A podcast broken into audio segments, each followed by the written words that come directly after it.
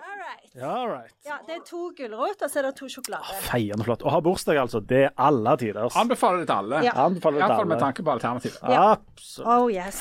Og det er når du blir 43, så har du lov å si sånne Ja, ting. for Eller kan jeg høre være det. 43? Jeg hadde tenkt Ja, ja. å ja. Og, og foreslå. Ja. Ja, nei, men det var bra. Jeg liker begge. Under koronaen passerte vi 300 000 studenter i Norge. Juhu, det er jo helt kanon! Nei. Eller er det egentlig det? Juhu, det er helt kanon. De som skal bli studenter, kan nå i alle fall tolke engelske dikt, så lenge diktet er skrevet av ei nemnd. Juhu, Det er så det er gale. helt kanon. Det er så gale. Men er det like gale som Harald sitt haraball i Berlin? Nei.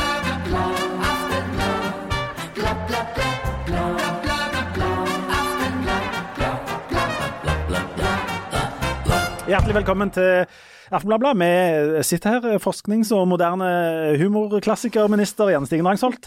Som utdanningsminister eh, Jan Hernes Zahl. Og så har vi meg, heimkunnskapslærer Leif Tor Linde. Og jubilant. Og jubilant. Dag. Og så har vi sløydvikar Harald Birkevold. Hva Nei, han har vi ikke her.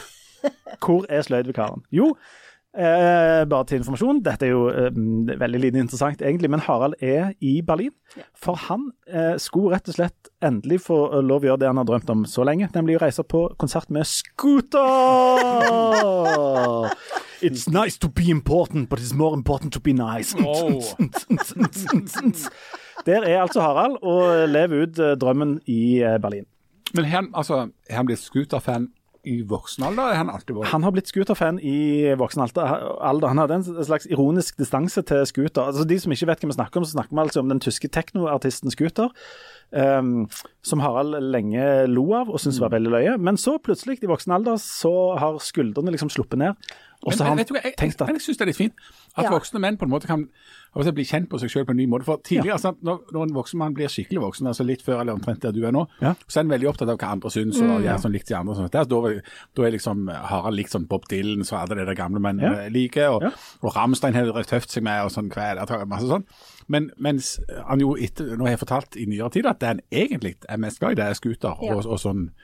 Altså, er, men er det tekno, eller er altså, hva er Jeg- sjangeren Eh, egentlig? Det er vel tekno, men jeg har jo inntrykk av at eh, Harald først ble skikkelig fan av scooter etter at han så den julespesialen julespesialen hans. Scooter sin julespesial? Ja. Og Og den er veldig um, sånn som du kan le og riste på hodet av. Men Harald har jo funnet et eller annet i dette scooteruniverset som han har falt veldig for. Og når han først skulle til, eh, til Berlin for å se, eh, for å se Cats-musikalen eh, så fant han jo òg ut at det var scooterkonsert, og da kunne han kombinere de to Ja. tingene. Samtidig som han jo elsker eh, mer enn livet sjøl, dette visste dere kanskje ikke, eh, å bo på Radisson SAS-hoteller. Ja, ja, ja. Han har jo alltid vært enormt fascinert. Nærmest Altså, Er ikke samla på sånn overnattingsdøgn på, på Radisson? det er det han har. Um, så lenge det er basseng, så er han med, liksom. Ja, Sånn har han. elsker å gå først i, i treningsstudio. Ja. Hvis jeg høres litt sånn rar ut i munnen, så er det fordi jeg eter. Vi har sånn uh, Vi spiser bursdagsmuffin. muffins. Ja, det gjør vi. Men han liker å ta på seg treningsklær og, og så springe seg en tur, og så, og så kaste seg ut i bassenget og så svømme en del. 1000 meter, tror jeg han pleier å svømme. Men det er jo det som er han en bomba? Når han Alltid. Han tenker alltid det. Til slutt Ja, han Han var usikker, da, Etter han ble sånn der, eh, polemisk redaktør, så var han usikker på om han kunne ta bombe, om det passet seg. Men så har han funnet ut, i tråd med dette at du bryr deg ikke om Ja, andre er sier, så tar han bombe, og så summer han tu- 1000 meter. Og det er veldig flott. Harald er jo, var jo tidligere um, faktisk uh, junior-norgesmester på 50 meter butterfly. Ja. Og butterfly er ikke lett, altså. Det er så Det er kjempevanskelig. Han fikk jo noen voldsomme skulderproblemer til det, så nå svømmer han jo bare bryst litt Ja. seint. Og han har jo byttet ut begge de der to kulene i, i skuldrene med sånn eh, griseknoker. Og det gjør jo at han ikke klarer å lufte hendene over hodet lenger. Som, som gjør litt sånn... Så er det bra at han ikke vinner noe lenger heller, for det hadde sett så rart ut. Han kan ikke lufte hendene over hodet pga. sånn griseknok. Sånn at, eh, og da slutter han jo å konkurrere etter han eh, Men det var jo da Er det lett å få tak i sånne griseknoker som du ikke så, ikke så veldig lett, men Harald har jo noen sånne veldig mye gris, eh, og det er overskudd på gris nå, tror jeg. Ja, det, Harald er jo, har jo blitt kåret til årets bondevenn mange ganger. og Det er jo bl.a. pga. at han nå består av mel... er det 7-8 eh, rent svinefett, holdt jeg på å si, grisedeler. Hvis du legger på svinefettet, så er det iallfall opp til, til 15 Ja.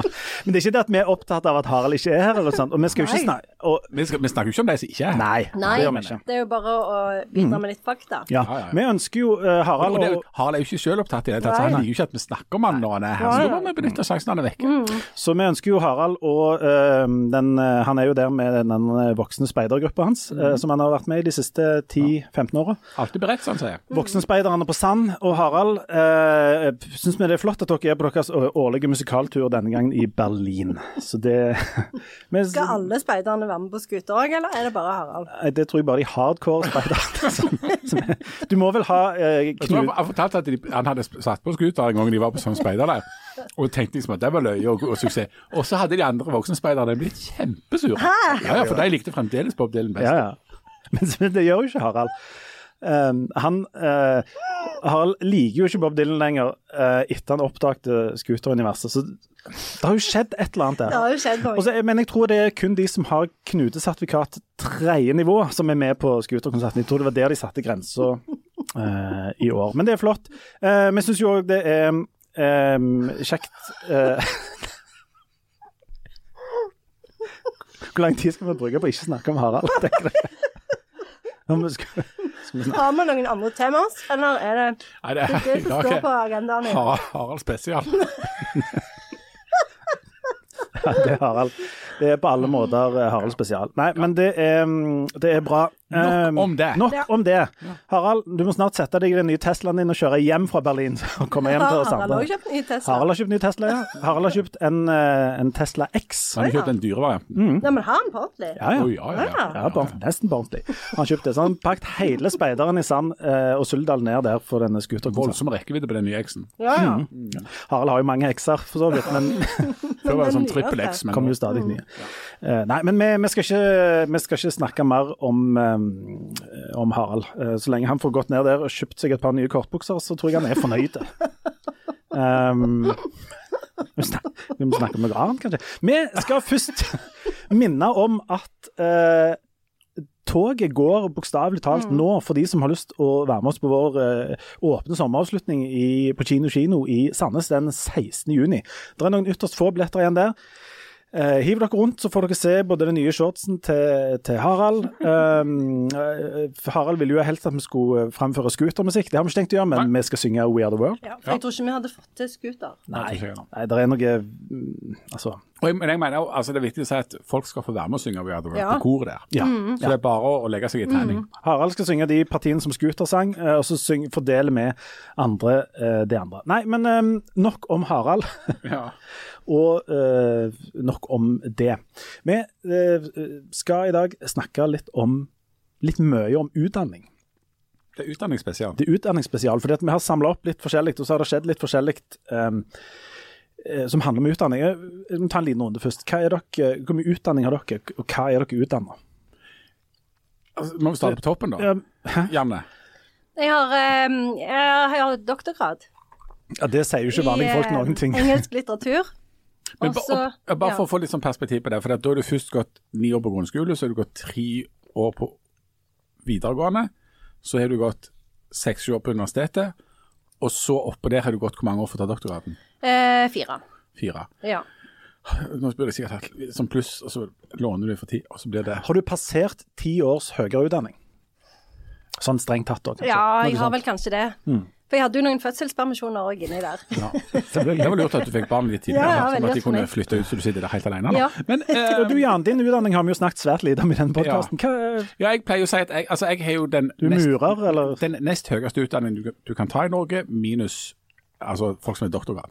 Og det er Hovedfag. hovedfag. Og det, er- det er enda litt lenger, for det er, det er noen år siden. Eh, Det er litt lenger enn det som er mastergrad, som er det som det er tilsvarende. En mastergrad er fem år normert, og, og jeg har et hovedfag som var normert til seks år, som jeg brukte sju år på, som alle andre. Og du, Leif Tore Linde, din halvstuderte røver. Jeg har et diplom hjemme der det står at jeg har fullført en lavere grad av høyere utdanning. Slå den. Og det, det er en sånn eh, eh, Det er noe fra gamle dager. Altså, jeg tok jo eh, journalistikk på Universitetet i Stavanger.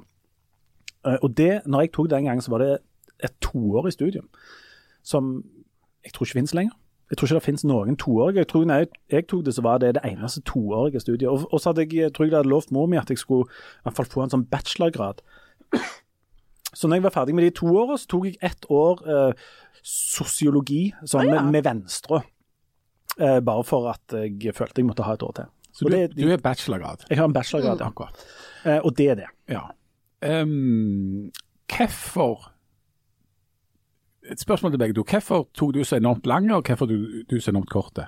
Ja, altså, for dere tok høyere utdanning, begge to. Kunne jo ha latt være med det, men hvorfor tok du så enormt lange uh, utdanningene? Jeg tok så enormt lang fordi jeg hadde lyst til å jobbe bare med litteratur. Og så syntes jeg det var veldig kjekt å gå på universitetet. Og så tenkte jeg hvordan kan jeg fortsette her? Eh, og så hadde jeg jo en sånn en eh, livsfjern eh, eh, visjon om at eh, hvis du jobber i akademia, så er det mye forskning. Kan du sitte alene og jobbe med det som du har aller mest lyst til å jobbe med? Så det var derfor jeg gjorde det. Så det var fordi så, For eksempel når jeg, når jeg, når jeg begynte på universitetet etter videregående, så tok jeg litteratur fordi det var det jeg likte aller best, og sånn fortsatte det. Eh, Så det er bare det, av eh, egoistiske grunner, egentlig. Skal, vi ta, skal jeg svare på spørsmålet sjøl òg, da? Ja. I sånn Ja, jeg. rekkefølge? For, for min begrunnelse òg ligner på det. Jeg, jeg tok da altså Først tok jeg et årskurs i engelsk språk og amerikastudier. Som altså er, som er det studiet der eh. Janne nå underviser, altså oppe på, på det som nå er Universitetet i Stavanger, men som da var Høgskolen i Rogaland, så likte jeg det kjempegodt. Um, og så tenkte jeg oi, det har jeg lyst til å gjøre jeg litt mer av, men jeg har lyst til å lære meg et språk til. Så da tok jeg spansk. Jeg flytta til Spania og begynte litt der for å lære meg litt sånn basic spansk, og så reiste jeg til Bergen. Og så endte jeg opp med å ta mellomfag, altså tilsvarende halvannet års studie av spansk språk og latinamerikastudier. Veldig uklart hva jeg skulle bli på dette tidspunktet. Men jeg likte jo da tydeligvis språk, og hadde anlegg for språk. sant? Du kunne jo blitt en britisk eh, fastboende i, i, på Tenerife. Ja, jeg Ja. foreløpig. Ja, det kunne jeg jo litt foreløpig, ja. Og så eh, tenkte jeg hm, hva kan jeg bli Dette var veldig kjekt, men kan jeg bli noe av dette her? Eh, nei, visste ikke helt hva det var. Så tenkte jeg da må jeg utvide det med noe som gjør at jeg gjør noe annet enn bare sånn humanistiske språkfag. Så da jeg, begynte jeg på sammenlignende politikk, og så endte jeg opp med å ta hovedfaget der. Så jeg brukte tre-fire år på det. Og min begrunnelse for det var at jeg valgte fag jeg syntes var kjekke, og så var det enormt kjekt å studere. Altså det var eh, Like mye som det var utdanning, så var det en slags form for sånn egodyrking og selvrealisering. Det var så enormt kjekt at jeg tenkte topp stemning. Men når jeg var ferdig, så tenkte jeg nå er jeg ferdig med akademia, for det at jeg syns av og til ble noe tåkete, og jeg kunne ikke tenke meg å sitte på et kontor mutters alene og forske i det uendelige og knapt skrive noe og sånt. Nå skal jeg ta et langskudd, eh, og det, jeg tipper at begge dere to var eh, flinke studenter som fiksa det eh, veldig godt, og syntes det dere holdt på med var eh, interessant. Og jo dypere dere kunne gå ned i ting, jo mer interessant syntes dere det var. Ja, absolutt. Mm. Du da, hvorfor var du så kort i troppet der? Eh, jeg hadde jo tenkt å bli noe helt annet enn det jeg faktisk ble. Eh, hadde, vurdert, jeg var, hadde liksom så gode karakterer at jeg følte jeg måtte bruke til noe. Det har vi snakket om før. Um, så fant jeg ut at det skulle jeg ikke gjøre. Og så tok jeg eh, journalistikk. Og det som skjedde der, var Jeg hadde jo egentlig tenkt at jeg skulle studere ganske lenge. Fordi jeg, jeg var, likte for så vidt å studere og syntes det var kjekt og liksom sånn. Um, men etter ett år på journalistikk så eh, hadde vi en praksisperiode som var på tre måneder. Så ikke noen sånn rolse, skygg, jobbskygge, rør, eller at du satt bakerst i et rom og så på noen som jobbet. Men ut. Um, jeg hadde min første praksisperiode i Rogalandsvis. Der kom jeg ned første dagen, og så hilste vi på noen folk, fikk vi en plass. Og så spurte de om det noen av dere som kan reise ut og lage et oppslag til morgendagens avis. Og så var det noen av oss som dumme i hodet og rakte opp hånda og fulle av selvtillit sa ja, det fikser vi. Og så jobbet vi i tre måneder. Og etter vi hadde jobbet i tre måneder og gikk tilbake til skolen, så var det en nedtur. Fordi at um, det, altså, Journalistikk er jo et yrke som du egentlig bare kan begynne å utøve. Jeg syns det var så enormt kjekt å jobbe istedenfor å sitte oppe med sånne eh, liksom på universitetet og late som du jobbet, som jo var det vi i praksis gjorde. Men den praksisen som vi hadde, altså gå ut og prøve seg i arbeidslivet, det gjorde at jeg tenkte at eh, jeg skal bare gjøre dette ferdig, så, skal jeg, så er det jo bare å dundre på. Og Dermed er jo vi med kjernen i noe av det som er diskusjon rundt utdanning, rett og slett. Fordi det er sånn at Norge er et av verdens mest høyest utdanna folk, og det er stadig flere folk som tar høyere utdanning. Um, andelen folk i Norge som har høyere utdanning er eh, altså en tredjedel av den voksne befolkninga. Men hvis du går nedover litt i, i aldersgruppene, så, så, finner du at mellom 24 og 34 år, altså som er som en ung voksen, så har andelen med høyere utdanning i Norge økt fra 35% i år 2000 til 55% i 2021. Det betyr at enormt store mengder av ungdomsskolene våre er i, til enhver tid i høyere utdanning. Og hvorfor er de det? Jo, fordi at vi har en oppfatning og en tanke om at det lønner seg på en eller annen måte. Sannsynligvis både for individet, men også for samfunnet, at veldig mange folk tar høyere utdanning. Sant? I et høyteknologisk og, og kompetansesamfunn så sier vi at det er noe som lønner seg. Det lønner seg de fleste land så lønner det seg enda mer enn det lønner seg i Norge. Det at, altså det at du bruker så lang tid på å ta høyere utdanning, fører til at du har litt mer lønn, men ikke veldig mye mer lønn. Andre land så tjener du mye mer på det. Så da er det muligens noe annet som driver deg, da. Um, ja, det, det, er jo det, men, men, fortellingen her er jo at um, hvis du tar høyere utdanning altså Da snakker vi etter videregående, ikke sant? høyskole og universitet. Hvis du gjør det, så vil du ha flere muligheter etterpå. Mm. Altså Du kan velge flere jobber. Uh, du vil få høyere lønn og du vil få høyere status. Mm. Det, det, er jo mer status for de fleste. Bortsett fra sånn self-made millionaires, så er det, er det, status der. Og mm, i alle fall fra jeg begynte å studere, så har vi blitt proppa fulle med tanken om at hvis du skal um, Altså, det samfunnet som møter deg om 10-20-30 år, er et sånn høykompetansesamfunn. Altså, du må kunne enormt mye for liksom, å få jobb for å lykkes der. Eh, og så har det vært en slags parallell fortelling som har ligget litt unna der, der det alltid dukker opp de som sier at det, det er mye bedre hvis alle kan bli snekkere og rørleggere og ta fagutdanning. sant? Så De to, har, to, to ting har jo krangla med hverandre litt. Grann. Ja. men, men altså Janne, for Du sitter jo da i den nærmeste på en måte den maskinen som utdanner deg, som du velger den akademiske utdanningsveien, og, og som gjør det på Universitetet i Stavanger. Hvem er det som studerer nå? Hva slags folk er det dere har gående der? Hvem er det du møter på? Hvorfor er de der? Nå er det jo alle som studerer. Ja. Eh, det er, er, er, ganske annerledes fra Sånn som du sa, Jan, så er jo det sånn at det, når vi begynte å studere, så var det vel jeg det, jeg har sett noen tall nylig, så jeg håper de stemmer. Men at da var det 80 000 studenter så, eh, i 1992. Nå er det jo sånn som du sa 381 000, så det er jo mange flere som studerer. Og de som studerer nå, de tar jo ikke fag, det har vi snakket om før i denne podkasten, men de tar ikke gjerne nødvendigvis fag fordi de er så sykt interessert i dem. De tar dem fordi at de skal ha seg en jobb etterpå. Og så er det jo dette her med at før var det jo sånn at du tok en bachelor, eller eh, en eh, Karl som det heter, eh, og så la du hovedfag eller master oppå. Eh, og så tok du PPU etterpå, sånn at hvis du ville bli lærer og hadde to eh, undervisningsfag, så kunne du bli lærer ved å ta eh, pedagogikk på toppen av det hele. Nå er det jo ikke sånn. Nå har vi jo noe som heter lektorutdanningen, og det er jo en helt annen type, en mye travlere utdanning, eh, fordi at du må ta alle disse eh, fagene på ett år kortere og har ganske mye praksis. Eh, så det, er, altså det, er, en utdanning som, som flere tar. De har klar, en klar visjon av hva de vil bli, men de er ikke nødvendigvis sånn at de har valgt faget fordi de syns det er så sykt kjekt. Det at det er så mange studenter vil jo òg uh, si at det er ikke bare ungene til gamle akademikere som studerer. Altså det, det, det å ta høyere utdanning er mye sånn jevnere ting.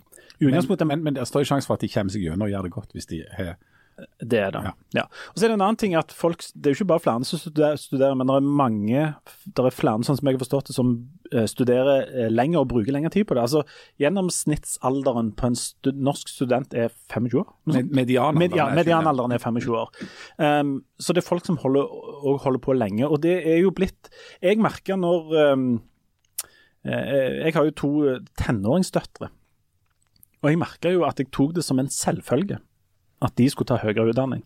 Eh, med litt sånn dårlig samvittighet når, når i den der, litt sånn perioden der de tenkte ja, kanskje jeg skulle bli frisør eller hudpleier eller sånt, så var det for meg var det enormt viktig å pensle de av det, altså, av det sporet. Så ærlig må jeg være. Og med et lite sånn stikk av dårlig samvittighet der jeg tenkte at hvorfor kan ikke de ta en yrkesutdanning og bli noe og begynne å jobbe når de er 19, eller i praksis da når de er 18, altså gå, gå i lære og sånn. Men, men den tanken altså jeg, det, For meg var det sånn Nei, for alt i verden, ikke gjør det. Og Da er vi inne på noe av det som er, en må diskutere, i tillegg til at det er flott at mange tar høyere utdanning. Det er holdt på å si, alternativkosten. For det første, kunne disse folka som tar høyere utdanning, brukt tida si mer meningsfylt på å gjøre noe annet? Det er det ene spørsmålet, altså på en sånn individnivå. Er dette, er dette rett bruk av mine personlige ressurser, uh, at jeg gjør dette her? Den andre tingen er, er det bra for samfunnet at 300 000 tar høyere utdanning i en hel drøss med fag? Og så kan jeg si OK, burde de ha brukt tida på noe annet, hadde det vært lurere? Og det de kommer ut og kan, er det noe som er nødvendig, eller som, som, som er det vi faktisk trenger i dag? Og Da kommer du over i noen litt sånne eh, vriene ting. for at det har vært ganske lenge blitt påpekt at det mangler jo en hel drøss med håndverkere og yrkesfag. altså Nettopp de som du ikke vil at dine døtre skal bli, og som jeg har akkurat samme eh, greia overfor mine unger. Vi har liksom hele bare snakket om at når de skal begynne å studere. Eh, liksom aldri tenkt på at de skulle bli tømrere, jeg heller. Men det er jo tømrere det er sannsynligvis mer bruk for enn du, bare, bare for å ta tilfeldig til eksempel, folk som kan f.eks. diktanalyse av engelsk. Ja, det Nu vel. Nu vel. Men bare- bare for, for, dine unger Janne, er i samme båt som våre unger, ikke sant? Ja. Altså, du har, det er de. ja, for dere også har snakket om ja, tenk når du flytter til Bergen eller Oslo og, Mm. og studerer, og vi skal komme på besøk, og de ungene gremmes og øh, vi kjører, ikke på-» altså, Men det er en, vi tar det som en selvfølge at de skal inn i dette Ja, systemet. sant? vi gjør jo det, og de tar jo studiespesialisering. Ja. Eh, så, så det er jo et problem, og særlig ja, blant foreldre som gjerne har akademisk utdanning. Eh, for da ser du jo for deg at de skal gå i det samme løpet. Men det er jo Ja. Og så og så har Jon Hustad, da, som, som er en eh, Du, før vi kommer til han, jeg, må Ja. bare, jeg, jeg, fikk en, jeg fikk en tekstmelding her som jeg bare må lese opp, ifra Harald Birkevold Ah, i Tyskland.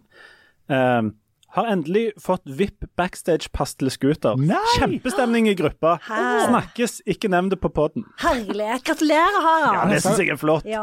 Jeg sa jo at du ikke skulle nevne det. Men. Jo, jo, men det, sto, er, det er sånn som du må skrive det først. Jeg han det Ja, du måtte jo skrive det helt først, for når du leste ned, så kom jo det helt til slutt. Sånn at da, ja, Nei, men det- feil. Harald, dette er, vi er kjempeglade på dine vegne. Ja. At du endelig skal få, få oppleve dette her. Eh, for, ja, vi glemte å si det, Hvis det er noen som har lyst på alle de gamle Bob Dylan-platene til Harald, så kan dere bare møte opp hjemme hos han. Og så kan dere komme han ut med de. Det er bare å stille seg i synkehullet, Ja, så kommer han vel ut. Så kommer han ut og, og deler ut sånne mm. Men det må være litt, helst litt seint på kvelden etter elleve. For det er gul regnjakke. Ja, med hetta over hodet. Ja, så går det litt sånn lut. Mm. Og ko kodeordet er er bare en sånn brummelyd. Sånn. Uansett, vi hadde kommet til Jan Hustad, en annen brummemann. Ja, en annen Brumlebasse. Ja, Jon Hustad han er jo han er en uh, journalist i, i uh, ukesavisa Dag og Tid, eller Vekeavisa, for det er jo en nynorskavis, uh, som, uh, som Ytterste venstre. Nei, altså, ja, altså, han er en forvirrende kar, Jon Hustad. Men, men han er en sånn en så så ser på ting på en litt sånn kald og øko økonomisk måte, vil jeg egentlig si. Rasjonelt og, og økonomisk. Ting skal lønne seg i Jon Hustad sitt liv. det skal det. Og han er nå på jakt for dette. Noe av det som vi skal bygge opp framover, det er jo for det første helse og omsorg for å ta hus på alle oss som blir gamle, så grassat gamle, eh, mens det nesten ikke er noen unge igjen til å ta jobben. Der eh, trengs det påfyll, og det er et problem.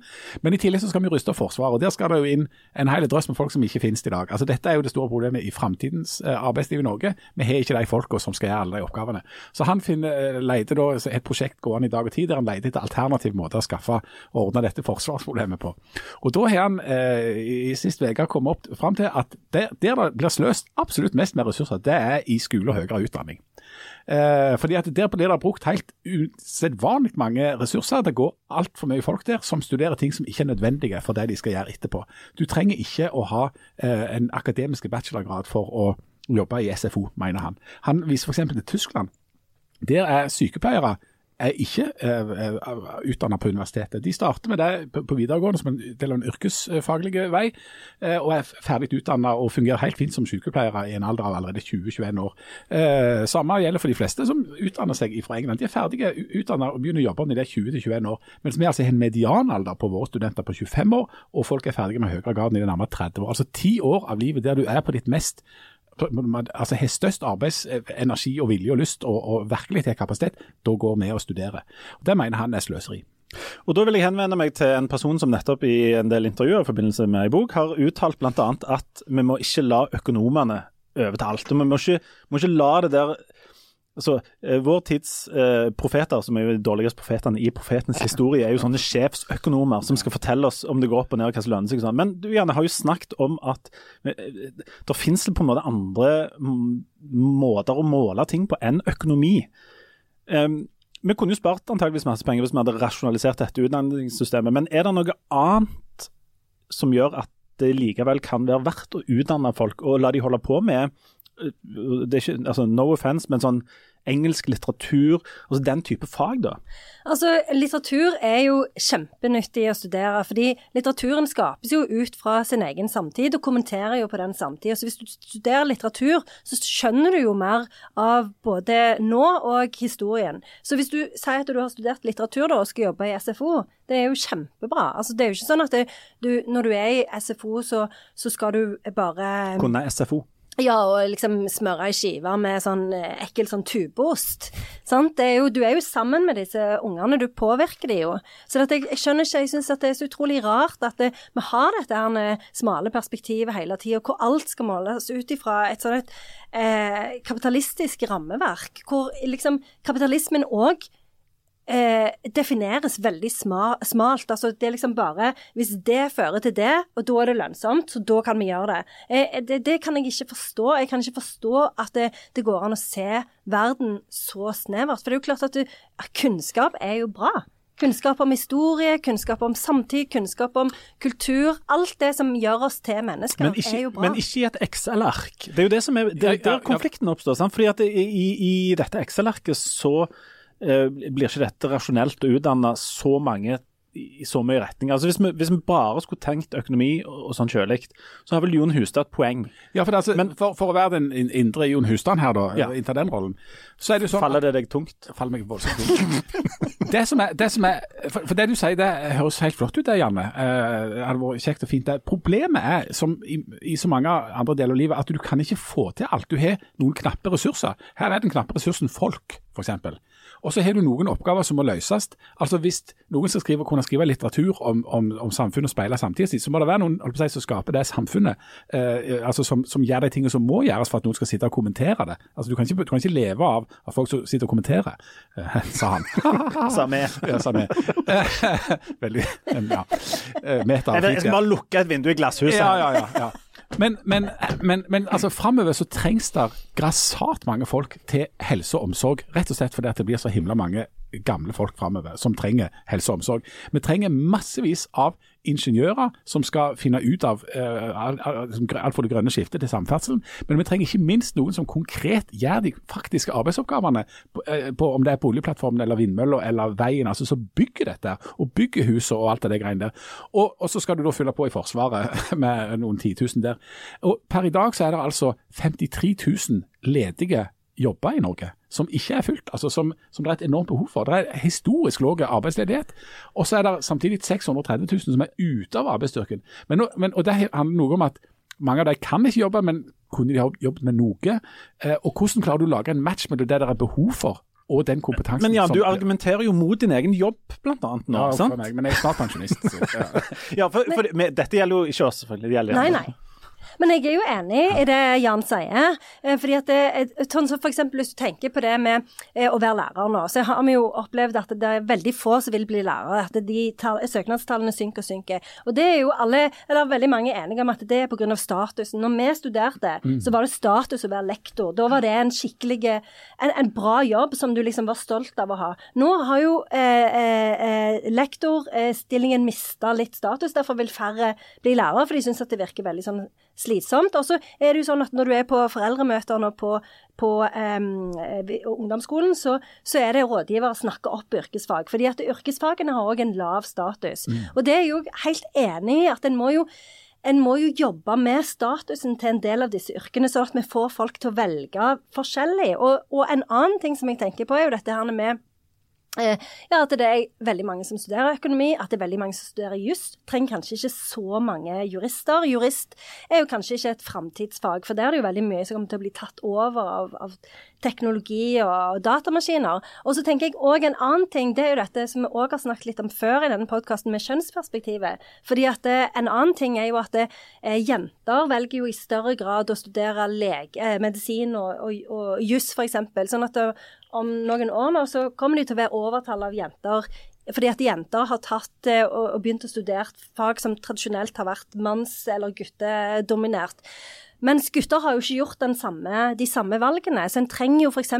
hvis du har eh, Det sto jo en sånn kommentar om det i Morgenbladet forrige uke. At hvis du gutter som har omsorgstalent, de velger ikke å jobbe innenfor helse fordi at de har ingen rollemodeller. Så jeg tenker at vi, vi som samfunn har jo en skikkelig jobb å gjøre for å endre statusen på en del av de yrkene, og ikke bare liksom være så enormt sånn smalspor da, på hva som er regnet for å være bra. Og så kolliderer det jo eh, ordentlig frontkollisjon med denne fortellingen om framtida, som handler om at det, altså det er eh, høyteknologisk og høy kompetanse. Det er det, det, er det som gjelder.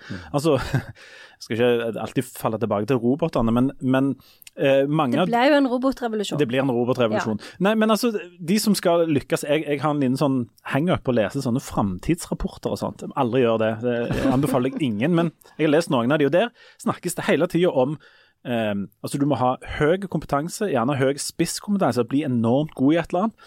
Det til, til og med i en av de rapportene jeg leste, så, der det sto om hvem det er som kommer til å Hvem er det som har et fortrinn i framtida. Det er ikke de som har én høyere utdannelse, det er de som har to. Det er økonomer som kan kode, eller ingeniører som òg er leger. Som kan lage helseteknologi. Altså det, det, det er sånne kombinasjoner. Det er liksom, ja, det, det er liksom the prime. sant?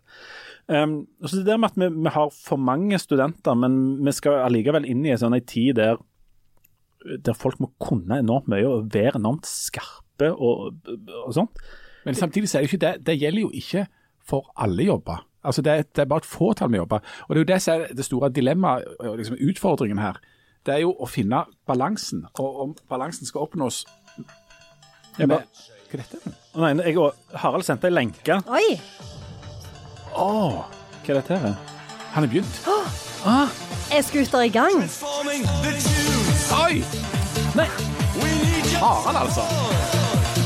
det er jo flott musikk. Ja, det er det. Ja, ja, ja. du si på det?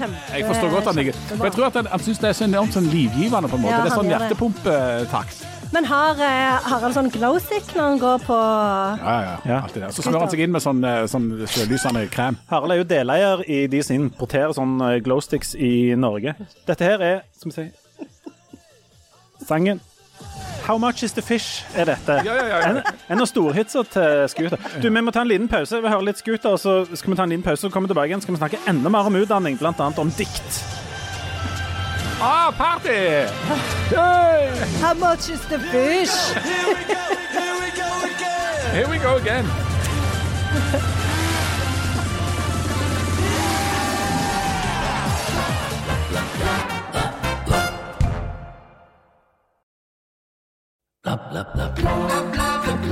Ta oss inn igjen med litt Scooter.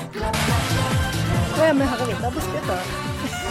Ja, da tror jeg gjerne vi skrur av. eh, Altså, det, det, det, det er jo ikke for alle. Det er Nei, det utdanning det alle må jo ikke like det samme. Det er ikke det. Og, altså, um, Harald sitt, sitt um, Når han skrev det der, hva heter det der essayet han skrev i Morgenbladet, um, uh, 'Scooteren, nye dillen', Ja. greiene. Det, det, det kommer jo automatisk mye reaksjoner på sånne ting, men vi kan ikke forvente at alle er så framoverlente, bl.a. i musikksmak som det Sånn, Harald I er. Morgenbladet så er det jo litt sånn De henger litt Ja, henger litt i fortida. Ja, de gjør det. Ja. De gjør det. Ehm, og så er det altså, Men det der med at uh, it's nice to be important, but it's more important to be nice. Det er jo Ehm, det er jo fint, men um, Jeg syns det er litt naivt òg, jeg.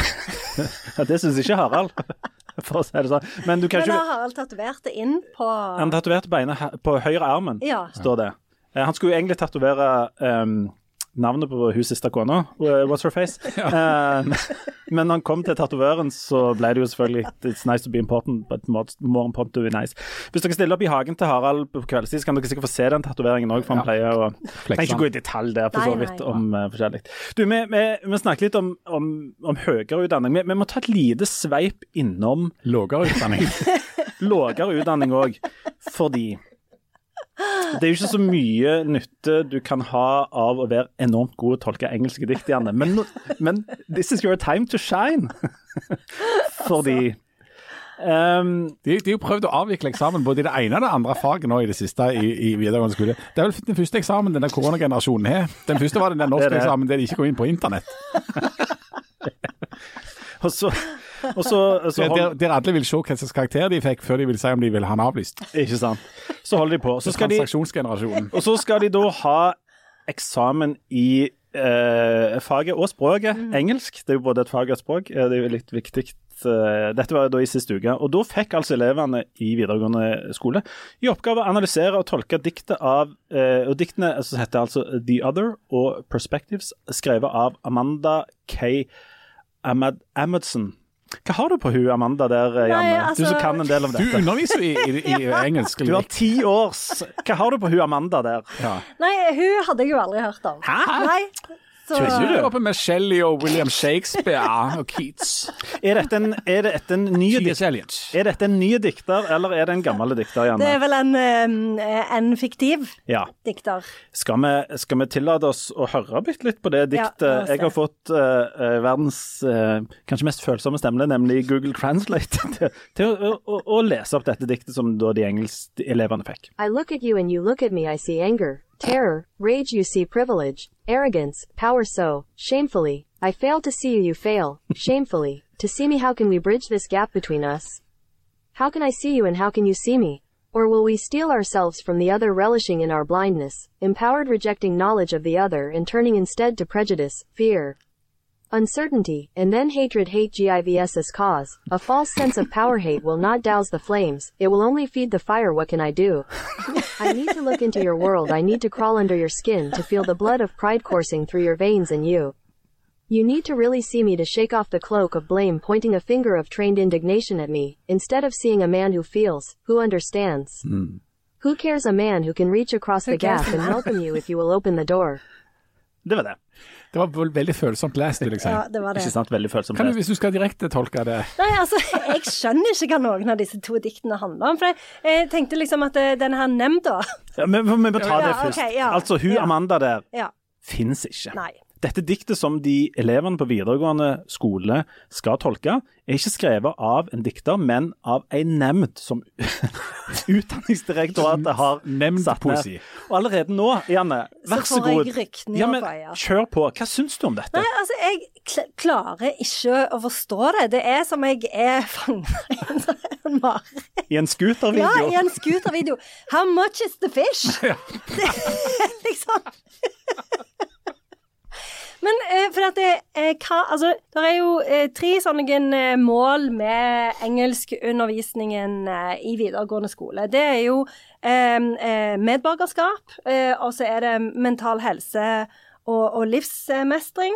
Eh, og så er det én ting til som jeg ikke husker. helt. Er det målet for engelskundervisning ja, videre? Skal vi altså- ingenting med engelsk ja? Nei, men, eh, men uh, målet med engelsk Jo, men målet med, med å lære seg engelsk er jo uh, å kunne forstå mer av samfunnet. Ja. Sant? Så det at når du leser, når du leser eh, engelsk litteratur, så er det Det er jo for å forstå teksten og for å forholde seg til teksten, men det er aller mest for å forstå hva er det den kommer ut av, hva er det den sier. Så jeg har f.eks. skrevet introduksjonen til et kapittel i en sånn ny engelskbok som kommer. Og da er det fokus på dette med Det er fokus på mannskrisen, det er fokus på eh, borgerrettighetsbevegelsen i USA, og Black Lives Matter. Altså det er bare ting som sier noe om vår egen eh, eh, samtid og vår, og vår egen historie. Og så kommer dette rælet som ei nemnd har lagd. Og det er jo Er det ikke dokumentforfalskning For å, si, de finner på for å si det på engelsk, you can't make this shit Nei, up. Hvis, faktisk hvis ikke. noen hadde sagt at dette kom til å skje,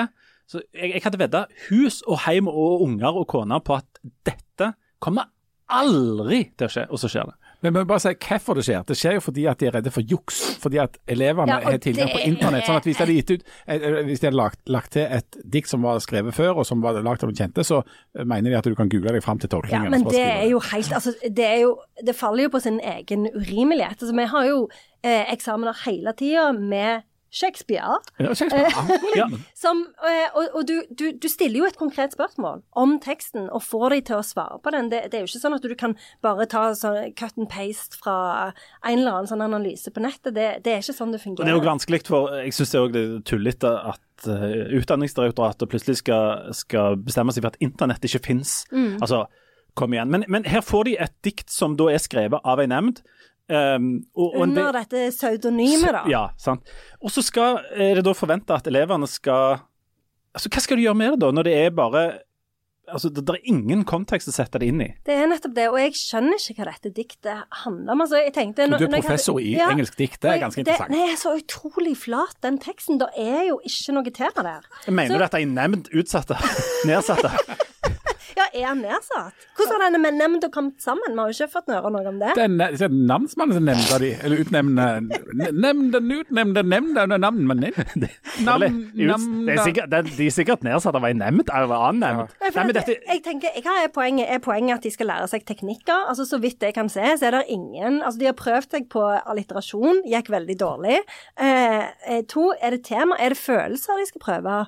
Altså, Den heter The Other og Perspectives. Da tenker jeg OK, det er gjerne følelser, men det er jo Det er ingenting som skjer i dette diktet, og jeg bare kjenner at jeg, jeg klarer nesten ikke å leve videre når dette dikt, disse to diktene fins. Men også, bare for å liksom, bla tilbake fra mine egne notatbøker av språk- og kulturstudier, da, så illustrerer jo dette det som er eh, altså Problemet her er jo at det illustrerer noe av det som er poenget med humanistiske studier. Altså at hvis du får en tekst, eller du får en kommentar, eller du får en refleksjon over noe som foregår på et eller annet tidspunkt i historien, som da alle skriftlige ting som er publisert faktisk er da, så er det jo et poeng å kjenne noe til hvor tid skjer, dette? Hva er, det det er, hva er det som er konteksten rundt det? Hva er det som har skjedd for noe annet? Og Hvis du skal kunne vite noe om det, så må du jo kunne noe da om historie, om kontekst og om, om eh, på en måte tendenser. Sånn at hvis noen skriver noe, eh, et dikt, eh, i 1917 eller 1918 eh, og det handler om noe skyttergrav eller om døden og et eller annet sånt, så forstår du jo at dette har noe med, nei, med første verdenskrig å gjøre. på en måte. Sånn. Altså, du, må kunne, du må kunne vite noe om verden for å kunne forstå tekstene om verden. Nemlig, fordi at og, og her er det frikobla fra verden. Ja, fordi at når de, når, de, eh, når de eh, drepte våre gårder og brente våre menn og sånt, så handler jo det om Noe. noe. Ja. Sant? Det er jo ikke sånn at, eh, at det er skrevet i, i, i etterkant av, eh, av et jordbruksoppgjør eller et eller annet sånt. Sant? Det, det er jo hele konteksten. Og, og her, det de jo gjør her, det er jo bare De slenger jo bare ut en tekst. Og så, altså De har lagd, de har konstruert et eller annet bare for å ha noe å måle elevene på. Og det, hvis det, er, hvis det skal være snakk om noe meningsløs utdanning, så må jo dette være Ja, midt i det er nettopp det, og jeg syns så synd på de elevene som får presentert dette her makkverket, og skal liksom lage noe ut av det. Altså, liksom, Det er jo så respektløst overfor de òg, som har jobbet med eh, å tolke dikt, som har jobbet med tekst, som er skrevet, sånn som du sier, av en forfatter som kommer ut fra, egen, fra ei samtid, og som skal skrive noe om det. Og så får de dette her.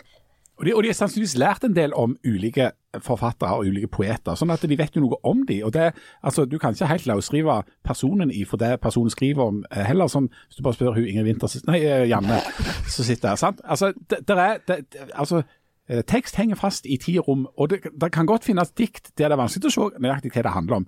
Men da er jo det også festet, eller da ligger det jo i en tid der det òg en tradisjon om det er modernisme eller om det er liksom postmoderne, hva det er, for det er vanskelig å få tak på helt hva det er for noe. Men da må du jo vite noe om det tidspunktet og den eh, forfatteren som forklarer seg noe meningsfullt om det. Dette er jo hele poenget til når, når Harald har snakket så enormt mye om disse tekstene til Scooter, Ja, for eksempel, ja. sant? Ja, ja. At de handler How much is the fish? Handler om hans oppvekst på dette fiskemarkedet Ja, i Bochum. Ja, ja. Og det er derfor han er relevant i sin samtid, Ja, ja, ja. mener Harald da. Sant? Andre vil jo si at f.eks. Bob Dylan var enda mer relevante, men det er ikke Harald enig i, og, og han om det. Men det, når jeg har snakket med f.eks. mine døtre, så alle unger kommer jo hjem av og til fra skolen og sier åh, hvorfor lærer vi dette?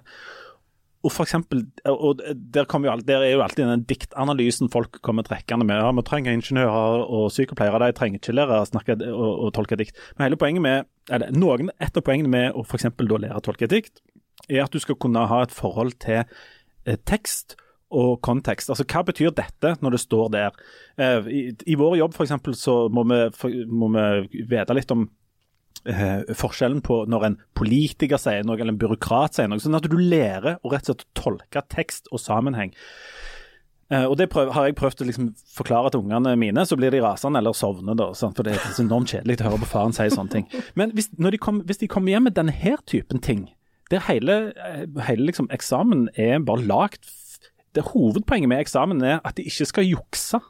Altså, Jeg, jeg, klarer, ikke, jeg klarer ikke å forsvare det diktet der i den sammenhengen der. Altså, da, da er det virkelig meningsløst, Mm, det, det de er holder så, på med. fordi at da, da lærer de om litteratur. Altså de lærer om litteratur i hele året. Og så når de kommer på eksamen, så får de en tekst som ikke er litteratur. For den teksten, det er ikke litteratur. Nei, det, dette Og i er jo tillegg- nevnt. Og i tillegg så baserer det seg altså på noe av det som er et stort problem i vår samtid, og som jeg trodde vi skulle kjempe imot, nemlig fake news. Dette er falskt. Det er et falskt premiss for eksamen, for å, å, be, å be folk å, å, å, å si noe om noe.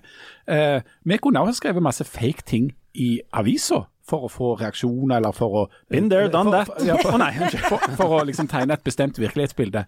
Men det er altså ikke lov. Det er ikke lov verken i læremiddel eller i mediene å skrive ting som er falske. Eh, og, og, og, og gi det ut under, under falskt navn eller falskt flagg eller falske premiss. Det er rett og slett ikke holdbart. Nei, og det òg er jo en annen ting. For at hvis du tenker på altså, hva, hva skal et dikt gjennom? Det skal jo gjennom en, en hel prosess i et forlag for å bli publisert. Så, og denne Ikke hvis du er nevnt. Nei, og ikke hvis du er Nå skal du nevnt. gjøre nevnt. Og så er det, det, det er et enormt viktig poeng. For at nå høres det ut som vi diskuterer noe kjempesmalt, nemlig engelsk lyrikk. Det er dritsmalt. Men som du, Leif Tore, var inne på, dette handler om noe enormt mye mer enn det. Det handler om all form for tekst. Det handler om, om, det, altså, det handler om tekst, bilde, lyd, musikk, film. Absolutt alt som blir publisert og som vi må forholde oss til må vi jo lære oss å fortolke i ut ifra den tida og ut ifra hvem som er avsenderen. Det er det som er hele den kritiske metoden. Og Hvis du blir avskåret fra den muligheten, og hvis, du- så, så blir det jo totalt meningsløst. Og jeg vet ikke om dette stemmer, men jeg leste en plass at det, diktet skulle, det ene av de diktene skulle leses i Altså at de skulle lage en sånn sammenlignende analyse med et, et forriktig dikt. Fra en iransk forfatter. Ja, og det er jo helt absurd. Og, og, og tenk at altså Dette er, vil jeg tro, Norges mest leste poesi, stykke poesi i år. Ja. Eh, og neste år, når, når, Jeg kjenner jeg får oppkast i munnen når, når, Er det muffene som kommer opp igjen? ja, Faktisk. du, når det skal, og når det Det da smaker i skal, hvert fall godt av gulrot. når det da skal deles ut uh, sånne uh, litteratur- og poesipriser neste år, skulle ikke se vekk ifra at Utdanningsdirektoratet sin nemnd kommer til å gjøre rent bord. Det er veldig koselig når de kommer opp på scenen, tar imot eh, Publikumsprisen. Ja. Skal, alle fra nemnda må! Hei, Kåre, var ikke du med i nemnda? Kom an! Astrid, sekretæren vår i nemnda, det er hun som har hatt ansvar for rettskriving. Det er det How much is the food? Men, du, men du, du har jo akkurat vært på litteraturfestival i Lillehammer, du. Eh, Norges eh, største, eller hva det er for noe. Men er det, hvordan er stemningen der nå? Jeg, jeg må si, dette er tatt rett ifra magen nå, fordi at jeg sannsynligvis le, altså jeg leser mindre sjøl. Men jeg sånn, jeg så, følelse av at det skrevne ord rett og slett er på vei ned, på et vis. Mm, ja, det tror jeg òg. Eh, og og at, at sånn sett så Det var liksom en sånn begivenhet på en annen måte når det kom ut bøker før, på en måte. Eh, at det preger offentligheten. At det virker som om det er den der manglende tida eller evnen til å lese og til å forholde seg til tekst av en viss lengde. Var, gikk folk det var bare fodlø hele tida, eller var de deprimert av andre ting enn bakfylla der oppe? Eller? Folk var driting. Folk var driting så kjempeglade. Og sang og sang. Og jeg var med på quiz. Ja. Eh, og eh, vårt eh, lag satt ganske langt framme. Og så var jeg veldig sånn godt humør og veldig god stemning på mitt lag. Eh, Det blir det jo på dine lag. ja. Og så eh, kom jeg i skade for å rope at vi skal vinne hele driten. Oi. Eh, På, og, på Østlandet. Ja. Ja. og så så jeg Kjartan Fløgstad satt rett bortfor Toril Moi. Satt på den andre sida. Fikk sånn onde Så- øyne. Ja, det var eh, mange østlendinger som ble veldig provosert av eh, den typen eh, Stemmer det at Kjartan. Fløgstad kan drepe folk med blikket? Altså konkret Ja, drepe folk? jeg, jeg kjente at jeg kanskje ikke skal snakke så mye høyt uh, lenger, men uh, Vant dere hele driten? Nei. Nei, ikke det. Men, uh, men det var kjekt. Men det, var, det som jeg skulle si, var um, at det er jo sånn som du sier det, Og det har jo òg med status å gjøre. Altså status endrer seg. Nå, før var det status å lese bøker og ha mange bøker. Og det er jo òg en sånn en, artikkel i, i forrige uke i Morgenbladet om bokklubbene. Fordi i, på begynnelsen av 90-tallet så var det jo liksom eh, Bokklubbene hadde sånn 1,3 millioner medlemmer, og det er helt sykt å tenke på. At hver tredje uke så var det ganske mange hundre tusen nord nordmenn og kvinner som kjøpte ei bok fordi de hadde glemt å avbestille. eh, og, og, og derfor hadde jo hadde vi jo bøker liggende framme, og, og, og vi leste jo bøker. Men nå, nå er det jo eh, Nå ser vi jo serier. Fins det bokklubber lenger? Eh, nei, det, jeg tror kanskje det fins, men nå er det jo Altså det som, eh, det som en prøver å få til nå, er jo at folk skal bestille At en skal gjøre det veldig lett for folk å bestille bøker online. Eh, og så er det jo lydbøker. Lydbøker går jo litt bra, og så er det jo e-bøker. Men, Men, men, men det blir solgt eller, er det, Folk selger heller ikke så mye bøker som de gjorde før. Det er liksom ikke Nei, en så stor absolutt ikke. Absolutt ikke. Og det er jo sånn du eh, Hvis du for, sånn for eksempel, da. Hvis du ble eh, utvalgt til månedens bok i bokklubben, så da var det jo en årslønn, da. Ja, det var så. Sant? Så sånn er det jo ikke lenger. Og, og jeg så òg Det var jo bilder i denne artikkelen om, om liksom sånn eh, cruise med Padda Pollestad og liksom Anne Holt. Altså, eh, og, og liksom bilder Ja, Kjartan Fløgstad og liksom Forfattere var liksom Det var noe annet å være forfatter før. Det var, de var liksom litt sånn kjendiser. Men er, sånn- er vi i nærheten av sånn Old Man Yells at Clouds ja, jeg nå, eller? Ja, jeg, jeg spør, er det, for det, sant, det Under Jon Hustaktige spørsmål er jo ja, men er dette et problem? Ja, altså det er jo eh, et veldig interessant spørsmål. Altså du får jo, Hvis du skal sammenligne det da med TV, som jo er litt fristende siden det er det som har tatt over, så er det jo klart at du får jo noe annet ut av å lese ei bok enn å se en TV-serie. Det er jo Hjerneforskere kan jo si det. Hvis du at hvis du leser ei bok, så kan du lage dine egne bilder i Ja, det hodet? er jo nettopp det, og det er så vakkert. Ja, vakkert. Det er så nydelig. Eh, du roer deg jo ned på en helt annen måte, du sover bedre. Eh, så jeg syns jo at det har en verdi å lese bøker, og jeg syns jo det er synd eh, at folk ikke leser så mye det- bøker som før. Og så er det jo et eksperiment, da. For at de siste var det PIRLS-tallene viser da at norske femteklassinger ikke eh, leser noe spesielt bra. Altså, eh, og det, Så kan en diskutere hva det er et resultat av, altså reformer i skolen, eller om det er på en måte det digitale, altså lesebrett og alt det greiene der. Men altså, leseferdigheten går ned, og interessen for å lese går ned, og evnen til å lese langt går ned. Og konsekvensen av at det er vanskelig til, eller folk ikke vil lese langt, er at en skal bare lese kort og ikke lese hele bøker. Og sånn sett der. Og hva som er konsekvensen av det?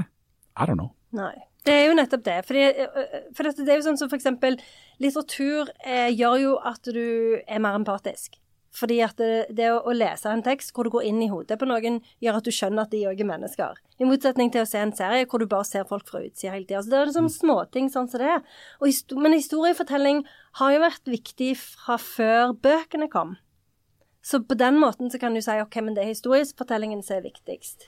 Så, men, ja, vi vet jo ikke. Men eh, betyr det noe da om den boka f.eks. er skrevet i en nemnd? Eh, Altså, De beste bøkene skrives jo av, Av nemnd? av nemnder. eh, Det er i hvert fall min erfaring. Frankenstein-boka, f.eks. Den ble jo skrevet av en nemnd Ja, den ble i sin tid. en Den uh, det Shelley-nemnda Hva, hva hette de den nemnda som Nei, ble- det var, det var Shelley-nemnda. Den ble jo skrevet i Sveits. I- ikke sant? I en av de der kantonene som uh, Harald liker så godt. Men i, var, men- men- det var der Harald var på sin første scooterkonsert, var jo den ene sveitsiske kantonen. ja. Men det ble jo lagt innhold, altså TV, som er ikke er basert på en nemnd, men som er basert på algoritmer da, og på kunstig intelligens. sant? Nemlig. Ja, Og det er vel derfor det har vært eh, streik blant de manusforfatterne. For det er så mye av, av eh, deres jobb som nå kan gjøres av ikke en nemnd, men av en, et dataprogram. Men AI er jo nemnd. Ja, det er jo nevnt. Ja, KI er nevnt. Jeg har kan aldri tatt hete KI i mitt hode, det heter AI. Ja. Men um, det er jo en nemnd. Den streiken som du nevner, er, handler jo bl.a. om at de, de, altså manusforfatterne, de som lager TV-innholdet i USA En av grunnene, grunnene til at de streiker, er jo at eh, en, en av trendene nå er at du får en sånn en AI til å bare lage et forslag til manus, og så skal disse skarpe hodene sitte bare og finpusse på det denne nemnda da i utgangspunktet har bestemt at denne serien skal handle om. Netflix er jo bygd opp rundt dette konseptet. De får så enormt mye data fra brukerne sine at de finner ut hva som er populært. Denne type fortelling, disse folka, det miljøet, den tida, det greiene. Og så smeiser de de sammen, og så får de noen til å finpusse litt på det. Og da er det jo en nemnd som mer eller mindre har lagd Ei de litt tingene store nemnd. En kjempestor nemnd. Ja, for før hadde jo de der responsgruppene. Fokusgruppene. Ja, fokusgruppene, ja. Gode, ja. Ja. Men dette flokker jo folk seg rundt, og så legger de vekk eh, siste diktsamling både av Shelly og hun der Amanda eh, What's her face? De legger jo ikke vekk den til Amanda. Eh, nei, det, Den det, kanskje, det den leser de, ja. Det diktet står inn i evigheten. Og da kommer du, da kommer du over Jeg er jo vanligvis en varm forsvarer av, av kapitalismen og, og, og markedets på en måte makt. eller altså, Det skal, det skal få holde på fritt. Men, men for liksom å komme en slags hale på det vi begynte på.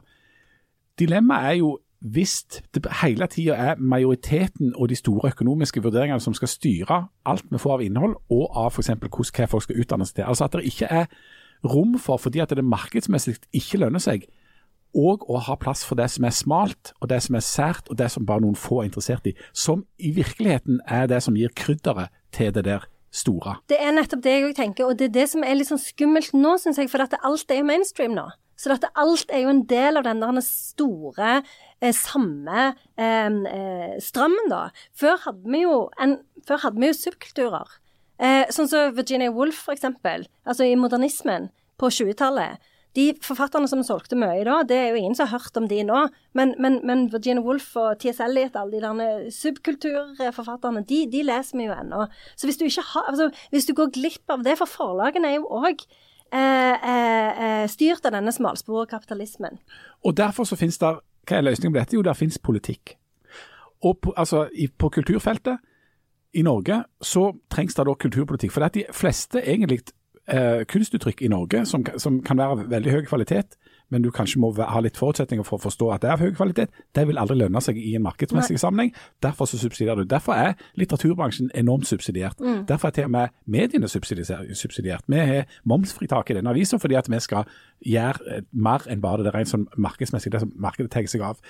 Og det er, um, og, og, og, det finnes òg uh, politikk da på utdanningsfeltet. En kan bestemme politisk at selv om det ikke er populært å studere tysk grammatikk eller engelsk dikt, så skal vi ha fagmiljø som kan det i Norge. Ja. Fordi det er en viktig del av, av å være en, en danna og utdanna nasjon, selv om en ikke kan drive med prosessindustri. Og det er jo et argument for å bare pløye inn hundretusenvis av folk i løgg høyere utdanning, der de, kan, de, der de kan utdanne seg i engelsk litteratur og spansk og nord-Latin-Amerika-studier og Og japansk. Eh, arab, ja, Men, japansk og, og, og, arabisk eh, og alt sånn rør og vas. Men, for da får du de folka ut på andre sida. Ja, men han som er minister nå, han er ikke der. Ola Borten Moe? Han er mer sånn legg, den, legg driten ned. Jeg har hørt at det, det er planer i universitetsmiljøene om å sende Kjartan Fløgstad bort han, så han bare kan se på han sånn at han dør. har dere hørt noe av det samme, eller? Ja. ja men Kjartan Fløgstad bor der borte ja. allerede. han kan bare spasere ned. Gå i regjeringskvartalene. Mm. OK, nytt, uh, nytt dikt. Er dette skrevet av ei nemnd Du, forresten, før vi tar det. Er det ikke sånn at det er en teori om at Shakespeare egentlig er en nemnd? At ikke det er én person, at det er, hel, at det er omtrent en nemnd. sant? Mm. Er det der de har funnet inspirasjon? Tror du? Jeg regner med det. De er litt sånn Skal vi være dårligere enn Shakespeare nå?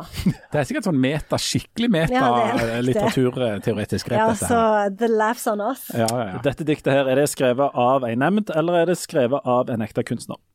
Is everybody on the floor? We put some energy into this place. I want to ask you something. Are you ready for the sound of scooter? I want to see you sweat, I said. I want to see you sweat. Yeah, hyper. Hyper, hyper, hyper, hyper, hyper, we need the bass drum, come on. Hyper, hyper. Hva? Scooter! Jeg forstår ikke at Harald er så glad i dette. Det god stemning, da. Det er det. Og det er noe Se for dere Harald Birkevold nå. Your hands in the air. Like you just don't care. Like you just don't care. Let me see your glow sticks. Birkevold, I want to see your glow stick. Nei, det ble kanskje litt feil. Heipa, heipa! Nei, det, er, det er flott musikk. Um, Harald sendte en ny tekstmelding som jeg Her sto det ikke 'ikke skriv', men han sa ja vel. Boys and girls. Harald har vært på pub litt tidlig. Boys and girls. Scooter, boys and girls. Scooter T-shirts, anyone, send størrelse. jeg vil gjerne ha Ja, small. Ja, small. Uh, jeg tar en medium til large. Nei, jeg må nok ha extra large. Du tar ekstra extra large. OK, tre scooter-T-skjorter. Men uh, har de sånn svettebånd? For det har jeg litt lyst på. Jeg tror sånne scooter-T-skjorter får du sånn svettering. jeg, tror det, det, det, er noe lignende. For det er liksom uh, sant? Det, det, det, er ikke gratis når du er inne i, i dette miljøet her, sant? Det er um, Ravers of the world. Ja, ja. Det er nydelig. Nei, men nå oh. Harald er jo litt sånn dårlig i ryggen, så jeg klarer å hoppe skikkelig på dette. Nei, jeg tror ikke det. Han er nok mest nikking. Ja, det, ja. Han, han, har jo fått uh, Jeg vet ikke hvor mye vi skal si om det. Jeg, det er ingen tyskere som hører på, så vi kan bare si det. Harald, Harald og speidergruppa hans har jo reservert plasser på den der handikap-paviljongen.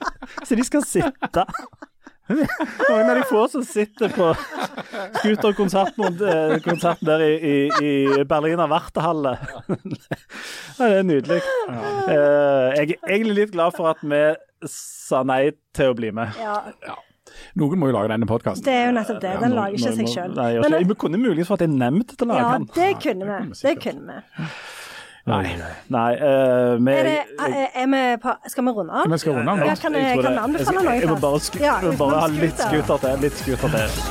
Spørsmålet er jo Noen mener jo det kan bli for mye scooter, Nei, og det er jeg helt enig i. Ja. Jeg kommer med anbefaling. Topp ti scooteralbum. Eh, Nei. Jeg tror ikke jeg kan det. Jeg kan bare den der What is the fish? Ja, hypa, What- hypa. ja. Ehm, jo, jo. Eh, det er en serie som jeg har venta på lenge, som har, har kommet. Motherland. Har dere sett den? nei. Det er jo en sånn britisk serie om eh, noen sånne mødre som eh, driver og sliter litt med å levere ungene på skolen og sånn. Hun ene prøver å jobbe me- mens hun har barn, veldig dårlig stemning. Dritstressa hele tida, har sånn crazy eyes. Og så er det en far som heter Kevin, som elsker å være hjemme med ungene, og som eh, ikke har lyst til å jobbe, livredd for at han skal få jobb. Eh, og så er det liksom, liksom om det der makthierarkiet i eh, denne gruppa. Så hun ene som spiller hun der Hva heter Filomena eh, Kask, eller noe. Vet dere hvem jeg mener? Ja, ja, som er litt sånn Ja. Så den er vel på Øystein på med Bergenfilharmoniet. Ja, hun er, det er hun som er i den nemnda. Ja. Del av samme nemnda, ja. Og den går på HBO. Motherland. Motherland. Anbefales kjempeløyen. Um, vi har nettopp du, Av og til i livet så får du behov for å finne en eller annen serie, så håper du at du finner en serie som du kan like ganske godt, som du ikke har sett noe, så det er mye av mange oh, sesonger. Ja. Og vi har begynt på en som jeg, jeg tror er sånn, for vi har nemlig ikke sett serien som heter Barry. Ikke jeg heller. Har du ikke sett den? Ja, jeg, han gir meg veldig mye angst, Ja. han skuespilleren. Jeg vet ikke om jeg kommer til å like det i fire sesonger, men uh, i, i starten så er det en hvert fall fram til nå har det vært en sånn eh, fiffig blanding av litt sånn mørk humor. Det- Dette handler jo om en, en eh, leiemorder som, uh, som blir enormt bergtatt av uh, amatørteateret. Kudos til den nemnda som kom Ja, på det. ja. Uh, men jeg tror det er litt håp, litt håp for den, um, og, og at vi kan i hvert fall holde på med det en stund. Jeg har en liten følelse av at, jeg, at den kommer til å ende opp samme plassen som den der. Han, er- der han som jobbet i politiet, som var seriemorder på, på fritida. Dexter. Dexter. Mm. Som jo ble dritt, Veldig fallende kurve. drittlei av etter sånn to og en halv sesong. Det er mulig dette her er noe av det samme, men verdt et forsøk. Og så Ja. er det lenge, lenge siden jeg har sett noe som jeg har humra litt av. Jeg syns det er litt uh, fint. Det er litt befriende. Jan, Nei, Jeg bare driver og prøver å se ferdig. Jeg er fremdeles ligger bakpå. Kakekrig i New Zealand. Nei, det er eh, Great British Bake Off. Å ja. Eh, For et par-tre sesonger Ja. så er vi med på nå. Det er jo veldig gøy. Og Og, veldig sånn at du slapper litt godt av. Ja, Og så er jeg nesten helt i synk med Succession, betyr at jeg har bare den siste Og episoden jeg igjen. òg har det, så jeg er så redd at det skal komme noen Ja, ja, ja, ja, ja. Og Jeg har sett den. Å, har du? Ja, ja, og det var helt utrolig når de to Ja. Og så er jeg, og jeg faktisk et par episoder til igjen av The Crown. Og så må jeg se uh, den der uh, White Lotus fra Cecilia. Fordi at uh, vi skal jo der. Ja, dere skal det. Hvor dere skal hen? Ja, Vi skal ikke til Taormina, for det ble for fancy. Ja, ble men, for eh, men først en gang på eh, sørkysten, og så på nordkysten. Ei uke hver plass. Ah, Det blir fint. Ja. Nydelig. Skal ikke du åpne gaven din? Jo, det skal jeg. Jeg skulle, tenkte jeg bare skulle lese den siste meldingen fra Harald, men jeg skal gjerne levere. Jeg lese. Du må jo ta kortet først. Jeg venter litt. Grann. Ja. Uh, tror vi så scooter på McDonald's. Hele gruppa i ekstase. Lols Harald. Han Du- opplever så mye. Utrolig Men jeg syns For at det, hvis du pakker Altså, det som er med, med Harald, er at han er jo ofte i veldig sånn grettent Mm. eh, humør. Men så bare sender du han ut av landet, og så gir han noen eh, enheter. Så er han Mm. Så er han på en måte sjølgående, og det er sannsynligvis litt varmere i Berlin enn det her. Sånn, Sånn at det, han er, Samtidig som han er så sur, så er han på en måte lett å glede. Da. Han er det faktisk. Ja. Og så er det, det er, altså, Hvis han får litt uh, scooter for å vært sammen med denne speidergruppa som han er med i og leder Han blir ikke med i ledelsen nå lenger, men fra Sandnes Uldal, så er han happy.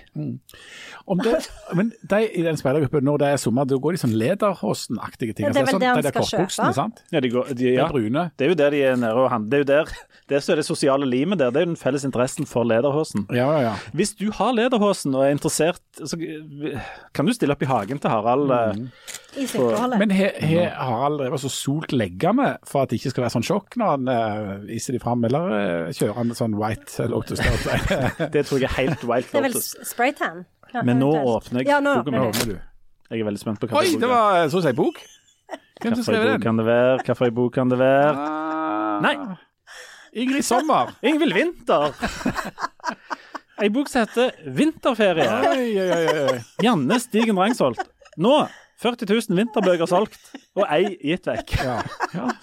Det er overskuddslager. De må jo prøve å få sånn avsetning på det på en eller annen måte, så de ikke havner på sånn der med elefantsalg, eller hva heter det for noe? Mammut. Ja. Jeg har lest den, eh, og i går leste jeg den delvis en gang til. Men du, du kan ikke få for mange. Jeg kan ikke få for mange. Eh, det kan jeg ikke. Jeg holder på å lese den jeg òg, rett før jeg sovner hver kveld. Ja. Gjør det? Jeg kom et stykke. Hæ? Han, er, han er ganske god. Eh, Nå smi, smiler gjerne på en sånn måte det er jo sånn fiskete kompliment. uh, som betyr at du får ingenting. altså eh, det, Han kunne vært bedre hvis du hadde hatt en Nemnd, så skrev han selvfølgelig. For du kan, ikke måle, du kan ikke måle deg med nemnd. Altså, det er jo ingen perspectives. Nei, er Men skal du ikke åpne kort òg? Jo, jeg skal åpne kort òg. Altså, dette drar jeg ut. Jeg må nå et Ja. fly. Og du skal nå et fly, ja. Klokka halv fire. Ja, Klokka er snart halv fire nå. Så må jeg gjøre noe først. Eh, nå kommer det opp Du skal på, du, Jan skal, for de som ikke vet det, på, på Trygve Skau-konsert i Oslo. Ja. Ja, det ble det. Er Her står det 'Have a super birthday'. Det var Det Det var nevnt. Ja. der.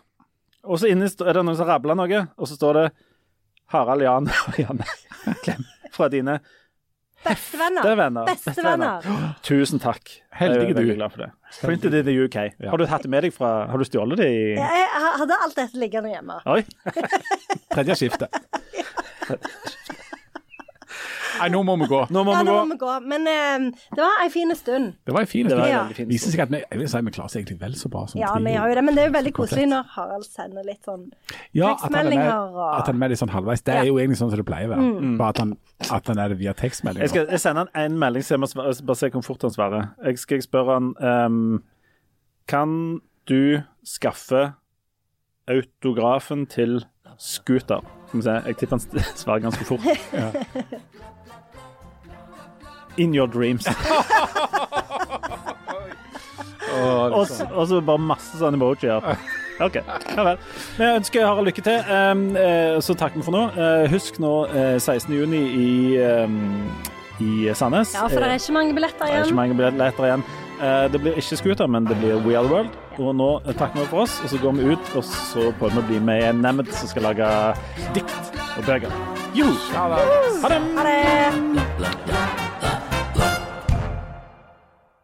Det jo er troen tilbake på seg sjøl. Pinsebevegelsen, er det i hoftepartiet den Hvorfor er det i hoftepartiet? Nei, jeg bare lurer på hva som er pinsebevegelsen. Er det hoftene du, som er bevegelsen, eller er det hva hva ja, er det? den Det er hendene opp. Det er den Harald ikke kan Det pga. det det er pinsebevegelsen. Ah, ah. Det er derfor han ikke er med i Pinsemenn. Ja, Men speiderbevegelsen, Speiderbevegelsen. ja, hva bevegelse er det? Den er det er at du, setter, du, du tar sånn fyrstikker, og så sender du, tenner du fyr på en mark på vårlig verden. Det er speiderbevegelsen. Det er ikke om det var sånn at du måtte sånn rulle